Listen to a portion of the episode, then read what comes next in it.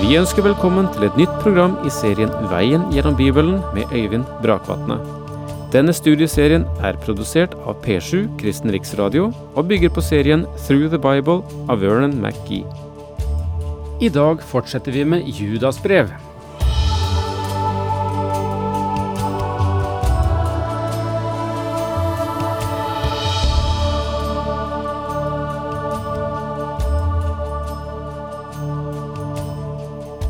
Velkommen til fortsatt å gjøre små skritt gjennom dette korte, intense og betydningsfulle brevet.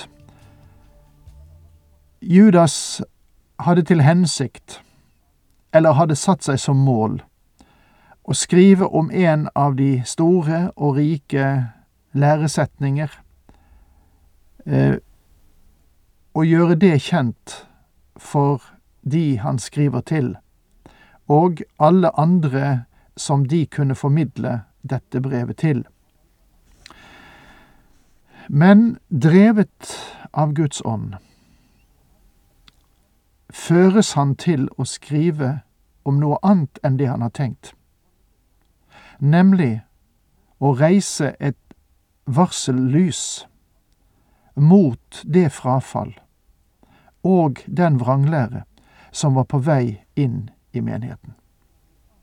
Så Judas skriver her noe annet enn det han til å begynne med hadde tenkt, men det var uhyre viktig. Og vi kan være takknemlige for vi har dette brevet i Skriften, for det inneholder meget viktig stoff også for vår tid, er en mektig introduksjon til åpenbaringsboken senere, og inneholder stoff som bare dette brevet har. Judas beskriver de frafalne, de vranglærere som vil komme inn i menigheten gjennom sidedørene, og han forteller, karakteriserer dem.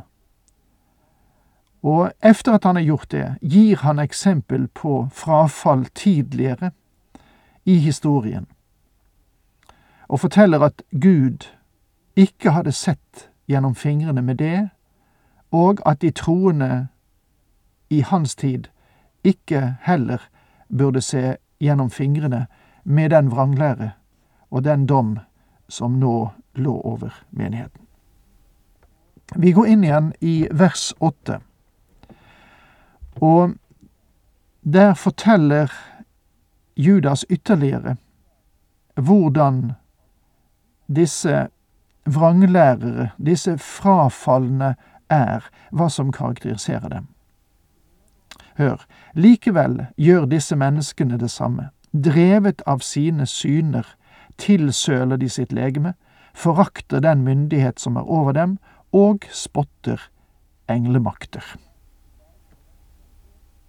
Altså, disse lærere i menigheten som forvrenger sannheten, der er fire kjennetegn på disse frafalne lærere. For det første, de er drevet av sine syner, det vil si, de er drømmere, lever ikke i virkeligheten. For det andre, det er at de tilsøler sitt legeme, det vil si, de hengir seg til grov og abnorm umoral. Og for det tredje, de forakter den myndighet som er over dem, hvilket betyr at de vil være sin egen autoritet. Og for det fjerde, disse falske lærere spotter englemakter. Det betyr at de har ingen respekt for åndelige forutsetninger. Gud har lagt til rette for at vi skal leve i et åndelig univers, og han styrer det gjennom prinsipper for åndelig autoritet.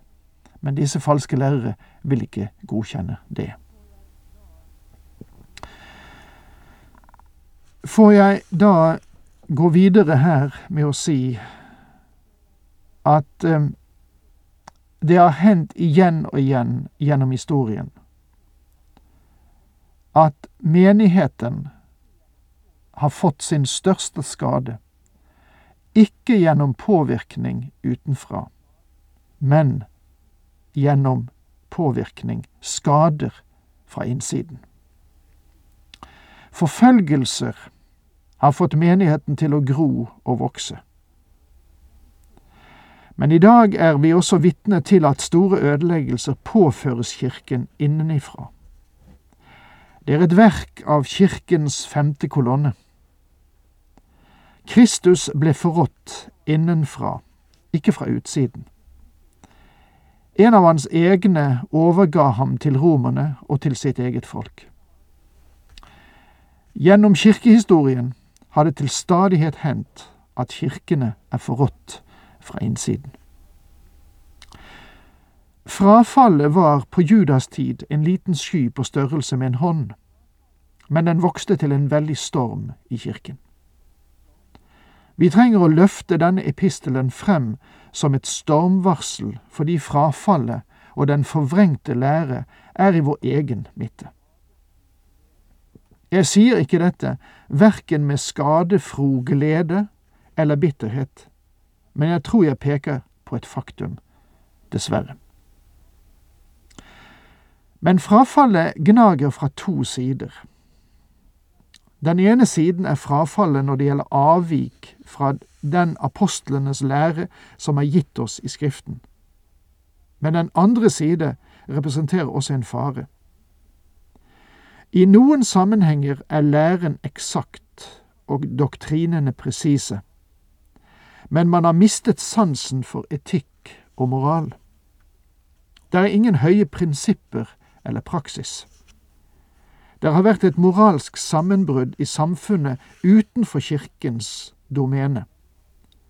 Men i stedet for at kirken har profilert seg i denne sammenbruddets tid, har samfunnets standard begynt å innvirke på kirken.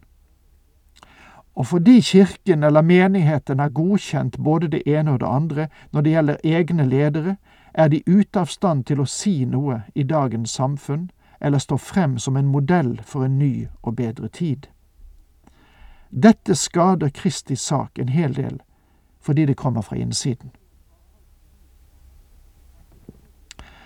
Vi lever i en frafallstid, og det er kanskje noen som vil oppløfte sin røst og si hør her, ærede predikant, overdriver du ikke litt? Ja, det tror jeg faktisk ikke at jeg gjør, mine venner.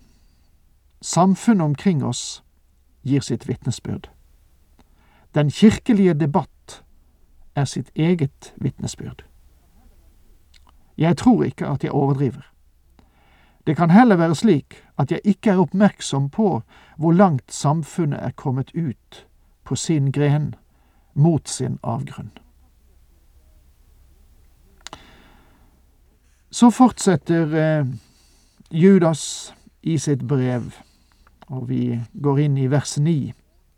Overengelen Mikael våget ikke å håne djevelen den gang han lå i strid med ham om det døde legemet til Moses. Han dømte ham bare og sa, måtte Herren straffe deg. Dette er et svært overraskende og enestående vers i Skriften. Satan er en fallen skapning og Guds svorne fiende, og likevel ville ikke Mikael, som stred med ham om Mose legeme, våge å gripe inn på Satans felt. Mikael respekterte til og med den posisjonen Satan hadde. Clemens, eh, en av de første kirkefedrene, siterer fra et apokryfisk skrift angående begravelsen av Moses.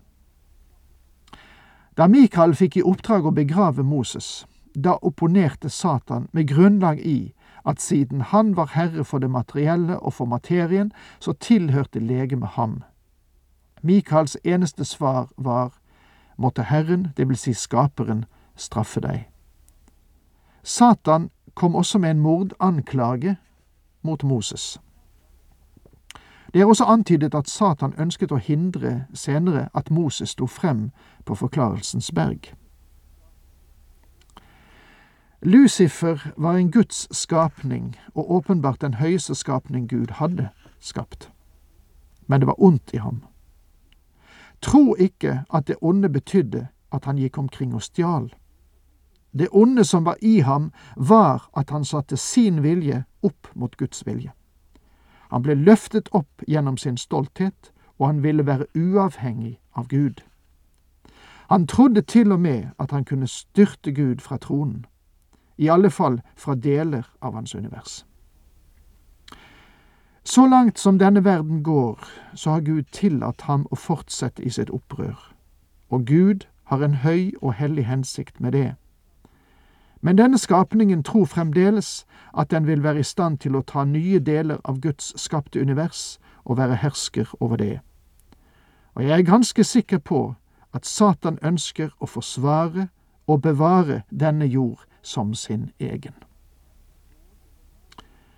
Overengelen Mikael våget ikke å håne djevelen. Han dømte ham bare og sa, måtte Herren straffe deg. Mikael hånet ikke Satan. Han prøvde ikke å latterliggjøre ham.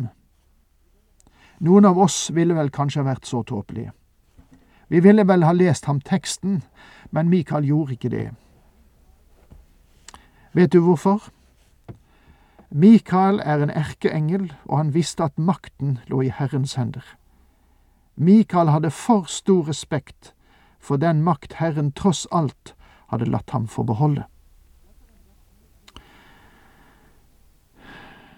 Dette er en lekse du og jeg trenger å lære. Mange troende har ikke lært å bøye seg, selv ikke for Gud. Min venn, du og jeg er skapninger. Han er skaperen. Hvilken rett har du og jeg til å stille spørsmål ved det han gjør? Ikke misforstå meg. Om du tror at jeg fromt aksepterer alt som kommer i min, i min vei, så tar du feil.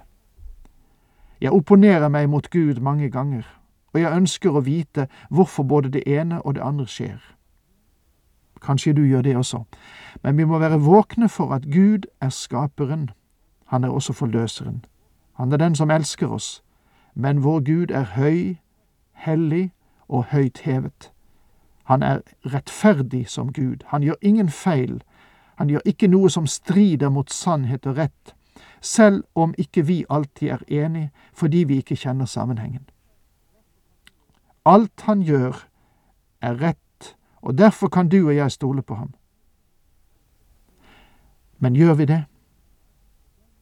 Respekterer vi hans autoritet? Respekterer vi hans person? På den dagen skal den Herre Jesus Kristus si, Du kalte meg Herre, Herre, men gjorde ikke det jeg ba deg om.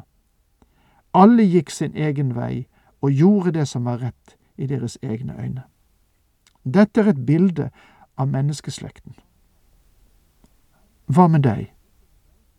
Hva med meg i dag? Hvilken veldig lekse erkeengelen Mikael her gir oss. En utfordring til å bøye oss for autoritet, og ikke ta oss inn selv på Satans område, men la Herren få styre med det som er Hans velde. Og dermed takk for nå, Herren med deg.